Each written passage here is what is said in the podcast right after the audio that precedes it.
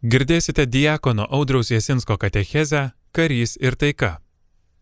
Taigi labą dieną, brangus tikėjimo namiškiai. Šiandien su jumis noriu pasidalinti tokią aktualią temą, aktualią pirmiausiai man. Ir ta tema vadinasi Karys ir taika. Ir šiandien, brangieji, su jumis kalbės apie taiką karys. Aš esu tikrai tikras karys, mano kaip kario istorija prasideda dar 1992 metais, tapau kariu savanoriu. Kariuomenė ištarnavau kaip kariu savanoriu 9 metus, vėliau 2 metus tarnavau žvalgyboje, po žvalgybos išvažiavau tarnauti į Kauną ir ten 13 metų tarnavau instruktoriumi Lietuvos kariuomenės mokykloje.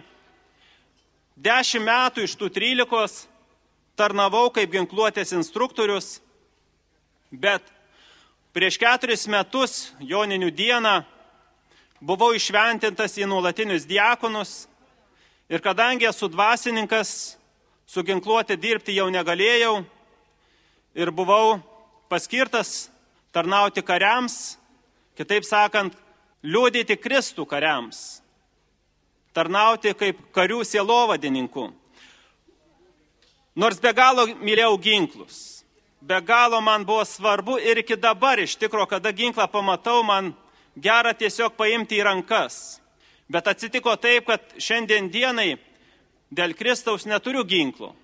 Mano rankose šiandien ginklas yra ši knyga. Tai Biblija. Ir tikrai laiškas hebrajams apie šią nuostabią knygą, kurią be galo aš myliu, sako taip. Laiškas Gebrajams, ketvirtas skyrius, dvylikta eilutė. Dievo žodis yra gyvas ir veiksmingas, aštresnis už bet kokį dviešmenį kalaviją. Taigi ši knyga yra stipriausias ginklas pasaulyje. Ne šią knygą parašė ne žmogus, bet Dievas, o ginklus kuria žmogus. Taigi šiandien dienai jums katechezę pristatys tiek dvasininkas, tiek karys. Taigi aš, diakonas Audrius. Ir šiandien, brangieji piligrimai, noriu užduoti labai paprastą klausimą, kurį man dažnai užduoda. Taigi, ar smerktina būti kariu? Ar būti kariu yra nuodėmė? Ar karys yra žudikas? Jeigu skaitytume visą Bibliją, nuo pradžios iki pabaigos, niekur nerastumėt, kad karys yra smerkiamas. Dėl to, kad jis yra karys. Gali būti, kad jis yra smerkiamas, kad padarė tam tikrą negarbę. Jeigu pažvelgtume į karalių Dovydą, jis buvo smerkiamas už tai, kad paleistuvavo ir nužudė Ūriją, bet ne dėl to, kad buvo karys. Irgi grįžtant prie Dovydo, kas buvo Dovydas? Dovydas juk yra mūsų viešpaties Jėzaus Kristaus protėvis. Ir niekuris nėra smerkiamas dėl to, kad jis buvo karys. O tikrai Dovydas, mūsų viešpaties Jėzaus Kristaus protėvis, iš kurio kilo mūsų viešpats Jėzus, tikrai buvo karys, be galo narsus, be galo drasus. Kada izraelitai nedryso kariauti, šis neaukšto ūgio karys atėjo ir nugalėjo galiūną galijotą. Vėliau Dovydas tapo karaliumi, karvedžiu.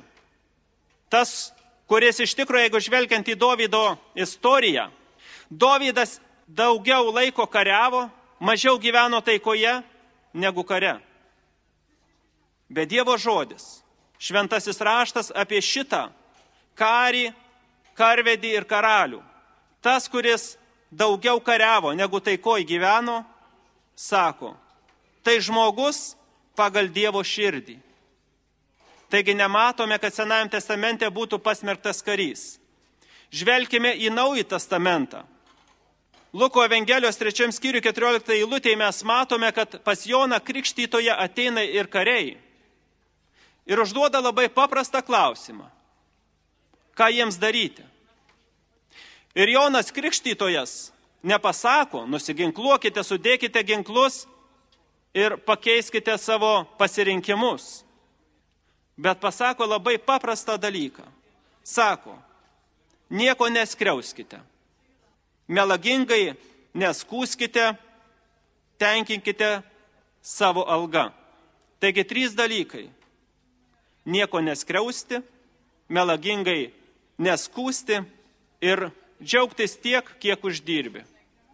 O kariai neblogai uždirba.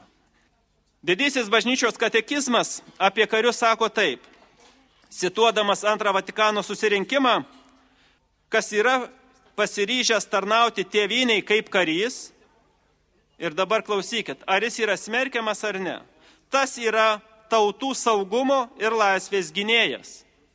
Taigi karys prisideda prie to, kad tauta saugiai gyventų ir joje būtų pakankamai gėrio. Deramai atlikdamas savo pareigas, jis tikrai prisideda prie tautos bendrojo gėrio ir taikos išsaugojimo. Būtų labai lengva pasakyti, tiesiog karys prisideda prie to, kad jūs ramiai gyventumėt.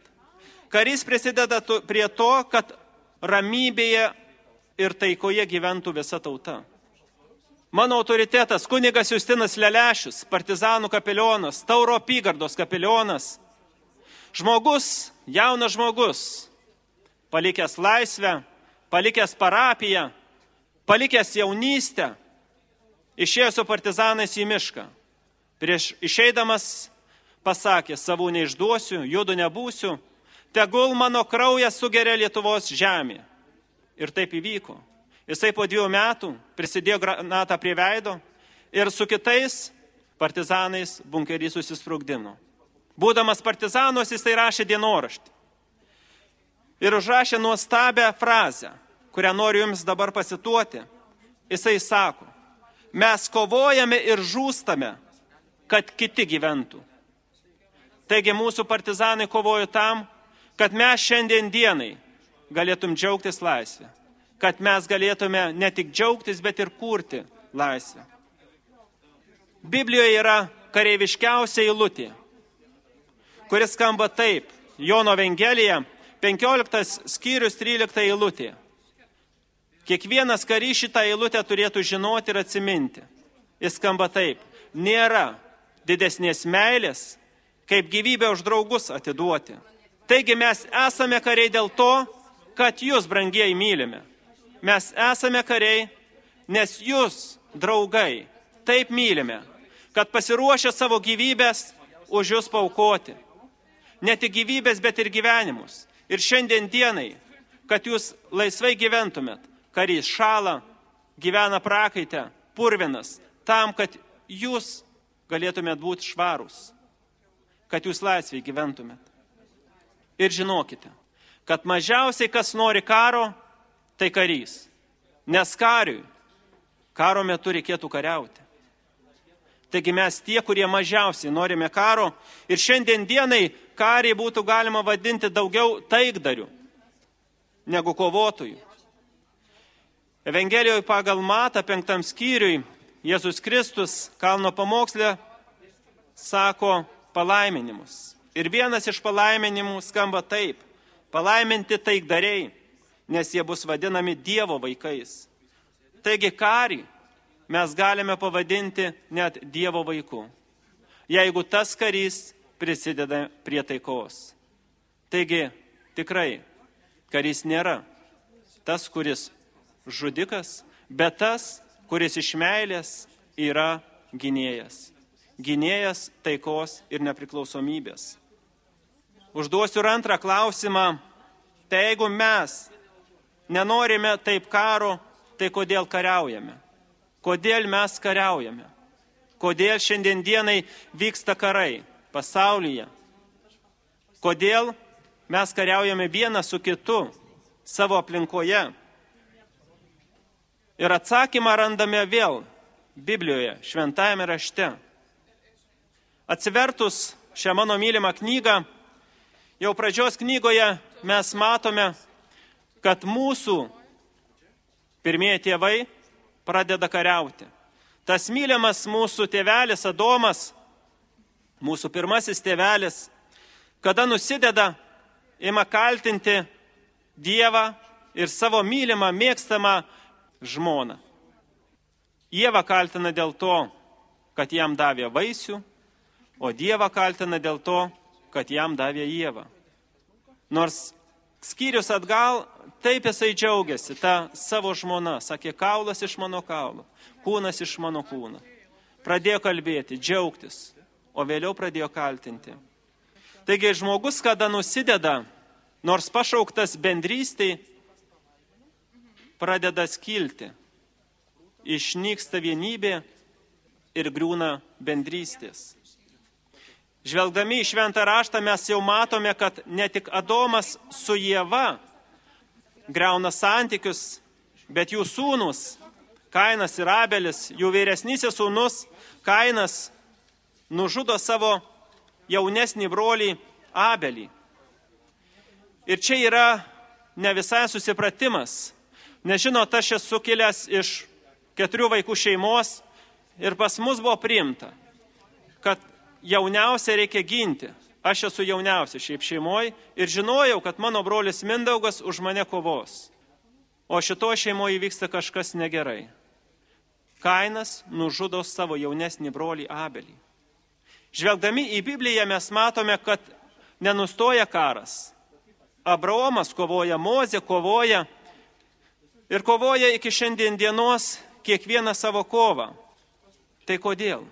Kodėlgi yra vis dėlto tas karas? Galime šį klausimą užduoti, kaip užduoda apaštlas Jokūbas savo laiške. Ketvirtam skyriui pradžioje jisai sako taip. Iš kur tarp jūsų atsiranda karai ir kivirčiai? Taigi iš kur? Iš kur yra noras kivirčytis ir kariauti? Ir tas pats Jokūbas atsako jau antroje eilutėje, Jisai sako, geidžiate ir neturite, žudote ir pavydite, ir negalite pasiekti, kovojate ir kariaujate, neturite, nes neprašote. Taigi didžiausia karo konfliktų priežastis, tai kas iššaukia kovoti, yra pavydas. Kadangi mes pavydėme, norime kovoti. Kadangi mes pavydėme, norime kariauti kadangi pavydėme to, kad kitas turi daugiau, kitam sekasi geriau, kitas laimingesnis, kitas daugiau pasiekė, taigi su tokiu aš turiu kariauti. Nors mes kiekvienas kaip krikščionis esame pašaukti taikai. Katalikų bažnyčios katekizmas sako, kiekvienas pilietis ir kiekvienas valdantysis privalo darbuotis, kad būtų išvengta karo. Taigi kiekvienas iš mūsų turim prisidėti, kad būtų taika. Taigi jeigu mes kiekvienas turim prisidėti prie taikos, taigi ką mes galime padaryti? Tai kaip mes kiekvienas galime siekti taikos? Ir atrodo būtų labai paprastas atsakymas, kuris skambėtų taip. Tiesiog nustokime kariauti. Atrodo labai lengva. Dažnai sakoma, reikėtų nusiginkluoti ir liausis karai. Aš žinot, minėjau, kad buvau ginkluotės instruktorius ir man teko ne vieną kartą būti Vokietijoje ginklų gamykloje. Vaikščioti po gamyklą ir aš mačiau, kaip atsiranda ginklas. Nuo mažiausio elemento, kada tas ginklas užauga iki žudimo elemento. Ir pagalvojau ten vaikščiodamas, kiek investuota, kiek žmogus įdėjo protų, intelekto, kad sukurtų daiktą skirtą nužudyti žmogui. Tik vėliau, praėjęs kiek laiko, pagalvojau, o koks pirmasis ginklas buvo panaudotas žmogui nužudyti? Kiek buvo įdėta investicijų pagaminti pirmajam ginklui? Ir pirmasis ginklas kaino rankose buvo tiesiog akmuo, gal kuoka, apie tai nėra kalbama. Bet tikrai nebuvo duotas šaunamasis ginklas, Jeklerkok 416 ar G36 ar pistoletas Glock. Buvo tiesiog akmuo. Ir tada supranti, kad karas arba karo kilimas priklauso ne nuo to, kiek yra pagaminta ginklų. Bažnyčios katekizmas sako, Valinga neapykanta yra priešinga meiliai. Mes kariaujame, nes per mažai mylime. Ir tada norime žudyti. Jėzus Kristus Evangelijoje pagal Matą sako, o aš jums sakau, mylėkite savo priešus. Ir melskitės už savo persikėtojus, kad būtumėte savo dangiško tėvo vaikai. Taigi viešpats Jėzus mus kviečia būti taikdariais. Taikdariai, kurie meldžiasi už savo priešus. Tik tada mes galėsim vadintis Dievo vaikais. Tie, kurie mylim ne tik savo brolį, bet ne tą, kuris yra man priešas. Dažnai girdžiu, aš myliu žmogų, tik negaliu apkesti jame esančios nuodėmės. Bet jeigu geriau pažiūriu į žmogaus elgesį, labai suabejoju, ar tu myli ir tą žmogų. Vaizdas toks, kad nekenti ir nuodėmės, ir žmogaus. Ir dar dažnai atsitinka taip, kad pastebėdami kitų nuodėmės, kurių nekenčiame, nepastebėme savų, kurių tikrai turim. Ir tikrai tos baisios nuodėmės tokios kaip teisuoliškumas, aš esu teisus, aš gyvenu pagal įstatymą, aš laikausi raidės ir puikybė nes aš viską gerai darau. Ir reikėtų šitoj vietoj prisiminti viešpaties Jėzaus pamokymą apie krislą brolio akyje. Viešpats Jėzus kviečia pirmiau išsimti rastą iš savo akies, tik vėliau tą krislelį išimti švelniai iš brolio akies. Nereikia palikti broliai krislo akį, nes jam skauda reikia pagydyti. Bet kad tą padaryčiau švelniai, pirmiausiai reikia rastą įsimti iš akies, nes kitaip galiu sužaloti žmogų. Taigi nenoriu jokiais būdais pasakyti, kad mes, krikščionys, turim taikstyti su blogiu, pripažinti nuodėmę geriu, jokiais būdais. Tik kaip mes pataisome artimą kaip mes jį paauklėjame, kaip jam parodome meilę. Atsakymas yra laiškė feziečiams. Paulius užrašo, joks bjaurų žodis tai neišeina iš jūsų lūpų, bet tik tai, kas gera, kas tinka ugdymui ir suteikia malonę klausytojai. Taigi, kaip svarbu pasvert, kas iš mano liežuvio išeina. Mes kariai turime tokį pasakymą ginklo saugumo patikrinimą, GSP. Taigi mes kiekvienas krikščionis turėtume pasverti ir patikrinti savo liežuvį, ką jisai ištaria. Ar malonius žodžius tada, kada stengiuosi pataisyti brolį. Nepalieku nuodėmėjai, bet su meile bandau pataisyti. Tai, kas tinka ugdymui, bet tai turi būti malonų klausytojui. Labai labai noriu pakviesti visą mūsų tautą dažniau tarti žodį myliu, negu žodį nekenčiu. Tai yra svarbu. Nes kada žodis atsiranda nekenčiu, mes pradedam kariauti. Tada pradedam skilti. Taigi turime ištrinti neapykantą į savo širdžių.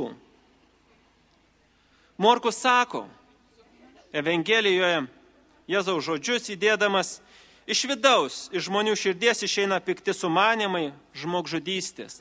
Taigi karas kyla niekur kitur kaip mūsų širdyje.